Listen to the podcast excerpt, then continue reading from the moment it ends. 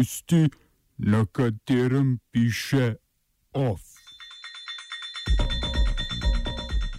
Romunska vlada v procesu prestrukturiranja kabineta. Novo izvoljeni predsednik Mehike Obrador nadaljuje z militarizacijo boja proti organiziranemu kriminalu. Poljska vlada razveljavila pravosodno reformo. Janez Janša napovedal posvetovalni referendum o Marakeški deklaraciji.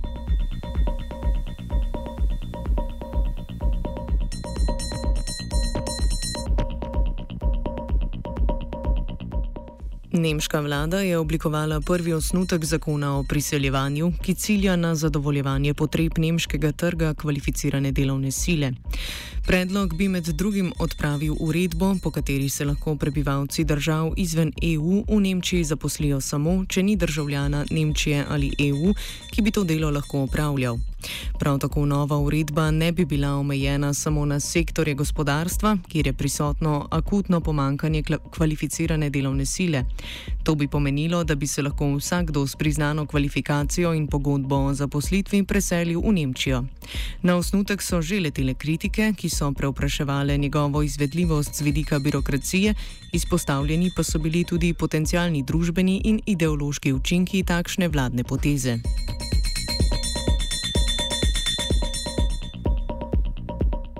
Romunski predsednik Klaus Johannis je danes zavrnil nekatere ministerske kandidate, ki jih je predlagala vlada pod vodstvom socialnih demokratov.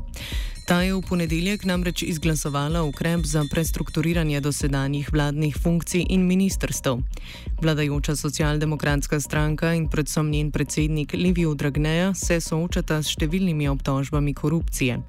Dragneja zato ne more upravljati premijejske funkcije in vlado vodi zgolj preko vodenja stranke. Spremenili so se nekateri ključni člani kabineta, vključno s podpredsednikom vlade in ministrom za razvoj Pavlom Staneskujem, ki je bil odstranjen iz vlade, potem ko je vodil uporniško frakcijo, ki je poskusila odstraniti Dragneja. Ministerska kandidata, ki jo je predsednik zavrnil, sta nekdanja ministrica za delo Lija Olguta Vasilescu, ki je bila predlagana na mesto ministrice za transport, ter Ilan Laufer, ki je bil predlagan za ministra za regionalni razvoj.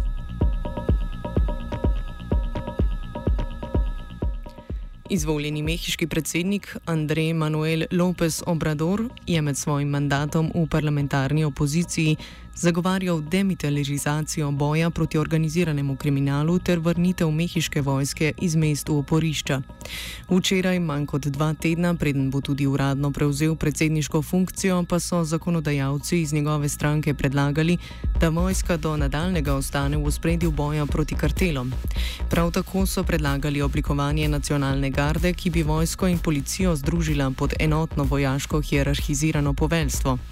Ob tem na obradorja letijo kritike, da s prioritiziranjem vojske nad programi, ki bi okrepili policijo, zgolj nadaljuje neuspešno strategijo svojih predhodnikov. Meška, mehiška vojska je v boj proti kartelom upletena od leta 2006, kar je kot začasen ukrep, dokler naloge ne bi mogla prevzeti policija sama, odredil takratni predsednik Felipe Calderón.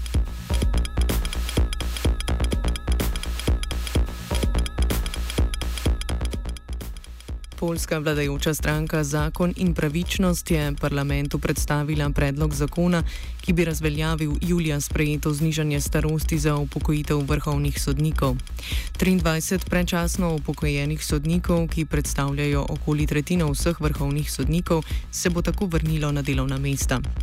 Predlog sledi razsodbi sodišča Evropske unije, ki vladajoči stranki odreja suspendiranje načrtovane pravosodne reforme. Glavni razlog za to razsodbo je prepričanje, da stranka Zakon in pravičnost želi z reformo na mesta predčasno upokojenih vrhovnih sodnikov nastaviti sebi lojalne kadre.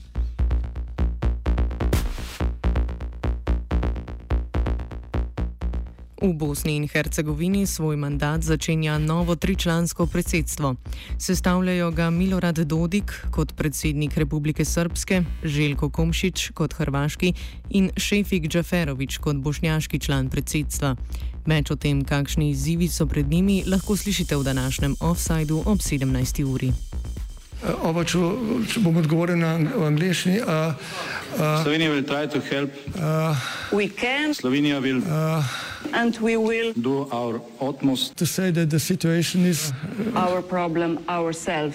In da bomo naredili nadaljnje korake, as soon as the conditions are zelo, zelo resne. News from Slovenija. Vemo, kako in bomo. Sindikati zasebnega sektorja so za 5. december napovedali protestni shod pred sedežem delodajalskih združenj. Zato so se po besedah predsednice Zveze svobodnih sindikatov Slovenije Lidije Jerkič odločili potem, ko so nekateri delodajalci zaradi napovedanega dviga minimalne plače zagrozili z odpovedjo kolektivnih pogodb.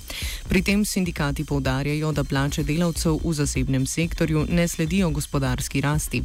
Svobodne sindikate bodo podprli tudi sindikati Konfederacije Pergam, ki predstavlja tudi sindikate javnega sektorja, ki včeraj z vlado niso dosegli sporazuma o zvišanju plač. Pergam zato razmišlja, da bodo protestni shod organizirali tudi pred vlado. Sindikat zaposlenih v šolstvu in vzgoji in dva zdravstvena sindikata so sporazum z vlado parafirali danes.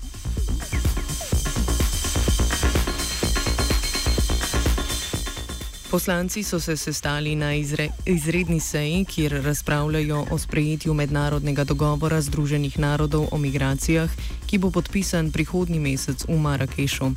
Poslanci opozicije, ki so tudi predlagali izredno sejo parlamenta, sporazumu ostro nasprotujejo.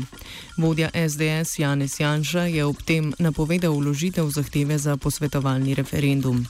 Opozicija vladi očita, da je postopek potrjevanja neustaven, saj je vlada sporazum sporazum sprejela, ne da bi se predtem posvetovala s parlamentom. O tako imenovani Marakeški deklaraciji je že prejšnji teden razpravljal parlamentarni odbor za zunanje zadeve. Takrat predlog poslancev strank SDS, NSI in SNS, da naj državni zbor vladi priporoči, da v institucijah Evropske unije in Združenih narodov spodbuja iskanje rešitev za odpravljanje vzrokov migracij, ni bil sprejet, tako da danes glasovanja o teh predlogih ne bo.